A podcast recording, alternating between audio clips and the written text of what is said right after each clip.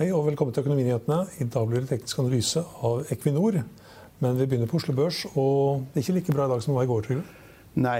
Og det som er eh, interessant, er det at det var jo ganske bra i går. Altså Da var jo markedet opp nesten 3 Oslo Børs. Og i dag så er markedet ned nesten 3 Det er omtrent en sving, en sving opp i går, ned i dag.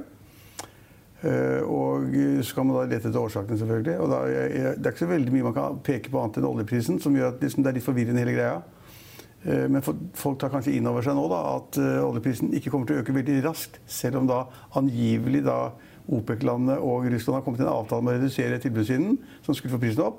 Så tenker man kanskje at det går kanskje ikke så lett allikevel. Så gjelder, skal det gjelde for mai og juni. Så Det er ikke ennå.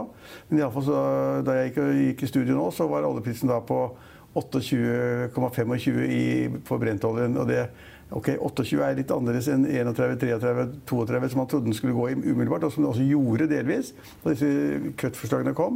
Og nå er vi nede på 28, og det har selvfølgelig slått hardt ut for oljeselskapene. Altså Equinor jo, har jo vært ned 4-5 i dag, og Aker BP har vært ned 7-8-9-10 Og DNO var ned rundt 10 og, uh, Aker, og, og, og andre andre olje- og riggselskaper har altså fått en kjempesmell. alle taperne på Oslo Børsdag, det er, liksom, det er eh, Borr Drilling og Seadrill og Oddfjell Drilling og PGS og alt som er.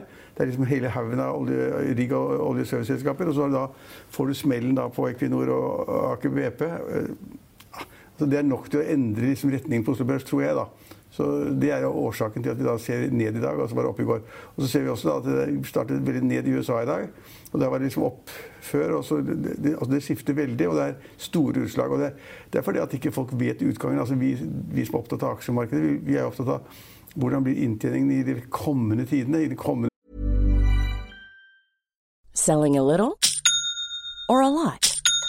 Shopify helps you do your thing however you cha-ching. Shopify is the global commerce platform that helps you sell at every stage of your business. From the launch your online shop stage to the first real life store stage, all the way to the did we just hit a million orders stage.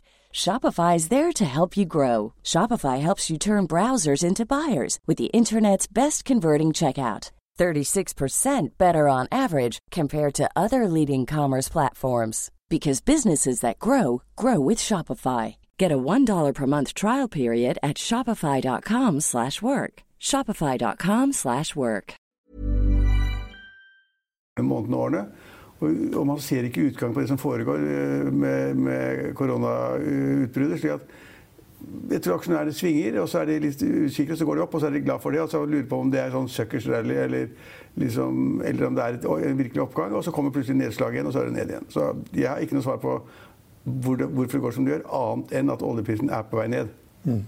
Ja, under 30 dollar på Brent og under 20 dollar på den amerikanske leteoljen. Ja, og det er, det er store utslag. Husk på vi snakker om da vi begynte i år, så var de fleste eksperter opptatt av at oljen, oljeprisen ville bli liggende på sånn midt 60-tallet. Og så, ja, så, så, har den falt da liksom ned på under 30. Eh, og, og, hvis det blir der, så er det så store forskjeller at man seg, hvis man tenker seg at oljeprisen skulle da gå oppover igjen, så er man fornøyd eller glad hvis den kommer opp i 40 dollar per fat. Det er liksom ikke 70 eller 80 eller 90 eller 100 dollar per fat lenger. Er, så vi har fått en, en klart endring over lang tid i en oljepris, og den slår ut negativt på Oslo Børs og kanskje også på kronekursen. Ja, som du er inne på, I USA, i New York, der er det ned. Og SMP 500, der er det bare 20 selskaper av 500 som stiger. Mm. 480 selskaper som faller. Og Jeg så i går også at det var da på en måte de der fangselskapene som steg. Alt annet uh, falt. Altså det var de fangselskapene, de, Og de er så store, så de fanger opp så mye. Og det er Amazon, ikke sant? og det er Facebook, Amazon og, og Apple og Google og Netflix. Netflix. Der har du hele pakka. Og de selskapene som, er, som det er på en måte kjempeskaleringseffekter i, eh, kan tjene masse penger, og det gjør de også. Det er de som da, liksom, da tar hele oppgangen i børsen. og så da kommer da liksom flyselskapene ned og reiselivsselskapene ned. Og alt det som da går dårligere i den perioden hvor alle landene eh, har en sånn lockdown. Så, så, går disse aksjene ned, og så får man da en oppgang i de selskapene som er i den nye økonomien, og som tjener masse penger, og hvor det er kjempeskaleringseffekter. Og Amazon var jo all time high i går. Hva sa du da? Amazon var i all Ja, ja nettopp. Altså, de ansetter jo liksom, nå husker jeg ikke tallene, men liksom denne uka skal de ansette 100 000 mer, flere. ikke sant? For skal, alle pakkene skal jo fraktes rundt omkring. Så, så det er en kjempeøkonomi. Og så ser vi også det, det, som, det som jeg snakket om før, som det er rimelig opplagt, det er at Boeing-aksjen er jo en død aksje. Det har vært ganske lenge. Den faller og faller og faller. Det er en, ganske, en aksje som mange ser på i USA. men altså For det første kansellerer jo flyselskapene de flyene de ikke har fått allerede, altså, men de har i ordre. De, de kansellerer de. Og så står det da tusenvis på tusenvis på hundretusenvis av fly over hele verden på flyplassene og liksom parkert opp og tar plass på flyplassene, også i Oslo. Eh, og da klart det er ingen særlig stor fremtid for Boeing. Så Hvis ikke de får masse penger fra staten, som norske selskaper får av den norske staten, så har de ikke en sjanse. Og det ser man hver dag at Boeing ned 5% eller Boeing ned 10% Og så er det underliggende det forholdet at ja, det er ned, for det er en god grunn. For det er ingen som trenger fly. Det er forståelig. Det er forståelig. Ja. Ja, det, det, det, er forståelig. det er liksom ingen som trenger nye fly. Og flyparken der var sikkert ganske god. Og, og de der siste flyene til Boeing som da disse skadene kom med, de, de, de, de har sluttet å produsere for øvrig. og det, jeg tror de har sluttet å produsere alle fly. Så det er liksom bare noen forvaltning av de flyene de har. De lager ikke flere i det hele tatt. Fordi det er mindre behov for disse flyene i fremtiden. Så det er en del av det som skjer på børsene, det er jeg opptatt av. At, så man kan si sammenhenger og man kan forstå det. Det er ikke så rart. Både olje for oss, Boeing, produksjon av fly, eller hva det måtte være. Apropos fly. Norwegian stiger i dag? Ja, altså Norwegian har jo hatt en fryktelig utvikling. Den har lagt seg rundt 5 kroner, og det er da en oppgang på 10 fra i går. Og det er, en, det er, helt umulig å si om det er riktig eller galt. Vi er jo enige om her, og vi mener iallfall her i huset, at, det, at, at eh, Norwegian, hvis man regner på de tingene som man skal regne på, nemlig da hvordan gjeld konverteres til aksjer osv., så, videre, så er verdien kanskje ikke mer enn 10 eller 15 eller 20 øre. Jeg har sett noen kommentatorer på da, sosiale medier som blir helt rasende bare man antyder det. Men altså, det, er, det, er, ikke vårt ønske. Vi skulle ønske det var mye mer. Men hvis man regner på det, og det er det folk gjør for lite av, så er det da hva blir igjen til dagens aksjonærer når alle disse konverteringene er gjort? Og da ser det ut som at egenkapitalen i aksjen da er 20 øre eller 10 øre. Mm. Det blir spennende. Du skal ha pressekonferanse klokka 12 på fredag. Kanskje vi får noen nyheter da? Ja, Det er kjempespennende. da. Det, det kan jo tenkes at de da offentliggjør at de har fått en avtale med staten, eller de som forvalter pengene for staten, og at de har klart å oppnå en avtale med de av sine eh, kreditorer som da har gitt, de må gi etter renter, og så må de utsette på avdrag osv. Kan tenkes at de har noe, noe, nytt å si. Men alt går jo i retning av jeg skal ikke foregripe fredag, men altså, alt går i retning av at ja, Norwegian kan kanskje bli et selskap i fremtiden også, som det er i dag. Men da ikke med de samme aksjonærene som vi har hatt hele tiden. Vi var inne på at Amazon var i all time high. Vi har hatt et selskap på Oslo Børs i dag som har vært i all time high òg. Og det er? Et selskap som du kjenner fra tidligere, som du var aksjonær i en gang. Gyldendal? Gyldendal, ja. Jeg så, det var litt over, aksjekursen over 500 kroner eller noe sånt. Ja, 545. Jeg jo, hadde jo en tredjedel av selskapet, faktisk. Jeg var en stor aksjonær i Gyldendal. Men den, den, han som da kontrollerer det helt nå, eh, om han har 90% eller 95 aner jeg ikke. Men i familie så tror jeg det er 90% ja, for alle praktiske formål. Alle praktiske formål, så Erik Must. Eh, ja, det er Erik Must og hans familie de har kontrollert Gyldendal veldig lenge. og Han fikk sjokk etter han mange år tilbake da jeg plutselig dukket opp som eide en tredjedel av selskapet. Så det likte han ikke, likte han ikke så veldig godt. og så blir man på en måte sultet ut over tid. Uten at det er noe galt med det. Liksom, han ville ha sin interesse, og da ga jeg opp. Og så tjente jeg litt penger på det, faktisk. Mm. Ikke så lite heller. På all time low-listen så hadde vi Norwegian tidligere i dag, men så har den da snudd opp. Uh, Shelf Drilling er jo et av de selskapene som er av alle de selskapene i olje- og oljeservicesektoren som faller i dag. Mm. Ja, alle, alle, faller jo. Ja. Alle, altså alle, alle, faller jo fordi at de skal falle. Jeg bare gjentar mitt, mitt hovedbudskap. Jeg liker liksom de fundamentale forholdene. Mitt hovedbudskap er det at hvis oljeprisen faller og, stiger, og ligger på det nivået det ligger nå, så vil oljeselskapene som henter opp olje, få såpass mye mindre penger enn det de kanskje hadde planlagt i sine budsjetter for 2021 og 2022, eh, at de da kansellerer ordre om å lete etter olje, bore etter olje, foredle oljen, tale opp altså, De kansellerer alle, alle underleverandørene, mer eller mindre, for å spare penger. De sparer penger, investeringsbudsjettene går ned, helt sikkert. Og hvis investeringsbudsjettet går ned over en lav sko, innen olje- og oljeservice da, i 2020, 2021 og 2022, eh, så går det dårlig på disse selskapene, og da går kursen ned istedenfor opp. Og Bård Drilling får selskap av Sidrill i dag. Ja, Høyt på taperlista. Ja, nettopp. Og det er, det er, det er, det er liksom, er Poenget med Bård Drilling det, var, altså det var et giret spekulasjonsprosjekt. Det har ikke, har ikke slått til. Og hvis det ikke blir en ekspro, altså kjempeeksplosjon i, i oljeprisen, så har de ingen sjanse. Og da må de liksom reforhandle og få nye avtaler med sine banker og de som har finansiert selskapet. Så blir det på en eller annen måte Aksjonærene blir borte, så er det andre som kommer inn, og så fordeler de kaka. eller gjør et annet. Så, så det, det, er nesten håpløst i olje- og oljeservice med den lave oljeprisen vi har nå. Fordi Jeg går alltid tilbake til at Hadde man selv sittet i styret i disse store oljeselskapene eller i Aker BP eller andre selskaper som har med olje å gjøre, så ville man kuttet budsjettene nå. Man skal overleve, man passer på cashen. Cashen er viktigere enn alt annet. Likviditeten øh, må stemme, og så kutter man og kutter man. Og kutter man. Og det gjør at norsk økonomi også blir svekket hvis du ser etter to år frem i tid. fordi at investeringen i olje og gass, som kanskje er nå husker jeg ikke tallet, må du korrigere meg, men i året så er kanskje da de samlede investeringene i olje og gass i 150, 60, 70, 80 milliarder kroner i året. Det er veldig mye, og det er veldig mye som det betyr for, for BNP og norsk økonomisk vekst. Og så Hvis det blir kuttet med 30-40-50 milliarder kroner i året, så slår det gjennom for hele norsk økonomi. Det kan også lese litt om på finansavisen.no i dag. Rystad Energi var ute med en rapport på nettopp det i dag tidligere. Ja. Det er et lyspunkt i dag òg. Lyspunkter? Ja. Et lyspunkt. Et, et, lite, du ville vel kanskje kalt det et lite filleselskap? Jeg mener jo ikke filleselskap. Tinnfilm? Ja, og det, de har jeg ikke peiling på, det er ditt område. Men det var ikke et eller annet med patenter og greier som var bra? Nå kom du med patentsøknader. Foreløpige patentsøknader. Jeg er ikke helt sikker på hva det betyr, men Nei, men Du søker om en patent det er fordi du har et eller annet som du skal søke patent på, mm. som er din eiendom, og det er en viktig sak teknologisk, eller hva det måtte være. Ultratynne litiumbatterier ja, men, og eh, batteriteknologi. Men kursen har gått masse pga. det.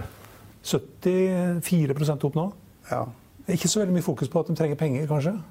De skal ut med en retteemisjon nå på mellom 25 og 50 millioner, og det er sårt trengte penger. Ja, jeg kan ikke selskapet. Sukre, det virker nesten sånn at de prøver å sukre litt meldinger med at de trenger I forkant, penger. Med, ja. I forkant, ja, så pengene kommer litt lettere inn. Med patenter.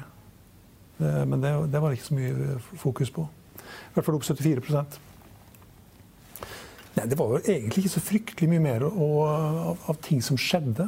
Jeg tror ikke det var så mye skjedd i aksjemarkedet, men, men vi, kan bare nevne, kan nevne da de tallene som kom som jeg bare så vidt fått med meg, det er da uh, salg av nye boliger. Som er veldig ned. Altså Det er kommet tall da for salg av nye boliger i mars. Mm. Også første kvartal og mars. Første kvartal var det kanskje ned 20-25% eller sånt, men i mars alene så var det ned av 47% altså nesten 50% Og det er jo et dramatisk fall i salget av nye boliger. Men det er også forståelig? Ja, det er forståelig. Fordi Ja, pga. at vi har koronakrisen. Ja, så det klart Folk sitter hjemme, og det er jo ingen som Nei, og man kjøper, løper kanskje ikke av gårde og kjøper ny bolig hvis man sitter og lurer på hvor lenge man sitter hjemme, som du sier, og om man har jobb og om man er permittert, permittert eller ikke. Så I dårlige tider så vil jo da det slå inn på salg av nye boliger. Og så vil jo da de som har bygget disse boligene, entreprenørene og andre som kanskje har satt i gang ved salg på 50 kanskje, kanskje 60 av de setter i gang før de har solgt noe, da. Mm. Nå er bunn. Men så er det bråstopp nå, og det betyr at nye prosjekter fremover igjen, som skal settes i gang nå eller i 21 eller 22, de vil også bli dratt litt ned. Og Det kan da over tid bety at det blir færre boliger i markedet på tilbudssiden, og at prisene kan gå opp, øh, gå opp, igjen. Men akkurat nå ser det ut som da salget er bråstopp, og det betyr sannsynligvis at en del av prisene også må ned. For å, for å få solgt resten av prosjektene da, i de enkelte blokkene eller hvor det måtte være, så må det sannsynligvis ned i pris for å få solgt det. Øh, så det er markedsmekanismen på kort sikt. Mm. Og de som syns at det ille, var ille i 2015, da vi hadde oljeprisfallet forrige gang, de kan nå forberede seg på at det kanskje blir enda verre denne gangen her.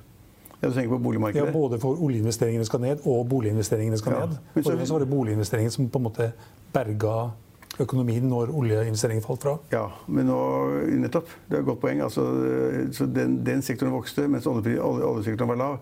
Men nå kan man risikere at oljesektoren er lav, og at boligsektoren blir lav. Og det er, jo, det er faktisk litt skummelt. Mm. Så, så, men vi, vi, må ikke glemme det at etter at det var litt skummelt et par år, da, i den perioden du nevner, 2014-2015 osv. Så, videre, så fikk vi da en prisvekst på boliger i Oslo-området. På alle boliger, ikke nye, men alle. Tror steg ikke prisene med 23% eller 26, 26 på ett år. Så da fikk man det liksom at det ble ikke produsert nok, og så ble det et, et etterslep på etterspørselssiden. Og så kom det ut, og så ville folk betale hva som helst, og så fikk vi et kjempeøkning i prisene i 2016. Ja, og Kommer man tilbake i jobb, så er iallfall lånerentene lave nå. Og de blir ikke høyere på 20 år? Nei.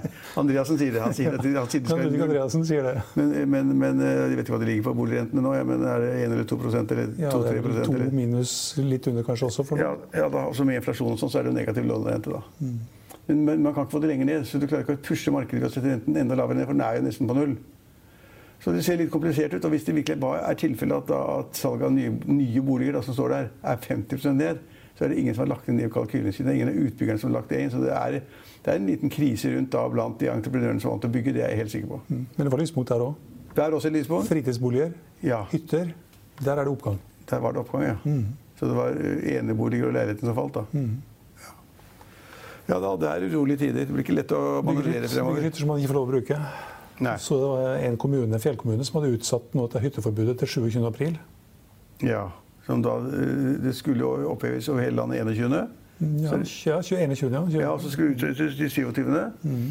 Ja, jeg trodde at de faktisk hadde tenkt å utsette det hele sommeren, men det var, det var bare en uke eller sånn. altså. Ja, det var en fjellkommune. Jeg husker ikke helt i farten. Jo, jo, men altså, jeg, jeg er litt oppgitt over disse her, mange av disse kommunene som da sier at reglene er slik at de må følge da nasjonale påbud og regler. Det må de selvfølgelig. De kan avvike som det da er gjort litt, men, men nå sier de at ja, ok, vi har åpnet opp, man skal få lov å bruke hyttene sine fra den 21. april. Men, sier de, regjeringen har jo sagt da at man liksom, det må være et nødvendig ærend, ikke unødvendig ærend. Men altså, skal du på hytta, så er det, det er, er det nødvendig eller unødvendig ærend. Det er jo helt håpløst. Altså, enten kan du reise, eller så kan du ikke reise. Og det at du da sier liksom, helst ikke kom og besøk oss, var en ordfører nede i Østfold, tror jeg, som sto da og sa det at eh, altså, jeg har ikke noe mot de som bruker hyttene sine. Og det er slik nå at man kan bruke de, men vil helst ikke at dere kommer.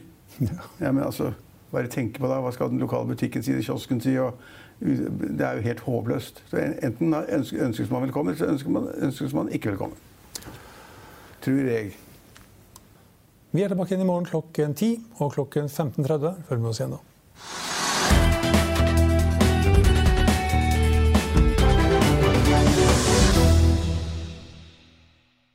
Økonominyhetene er en podkast fra Finansavisen. Programledere er Marius Lorentzen, Stein Ove Haugen og Benedikte Storm Bamvik. Produsenter er Lars Brenden Skram og Bashar Johar. Og ansvarlig redaktør er Trygve Hegnar.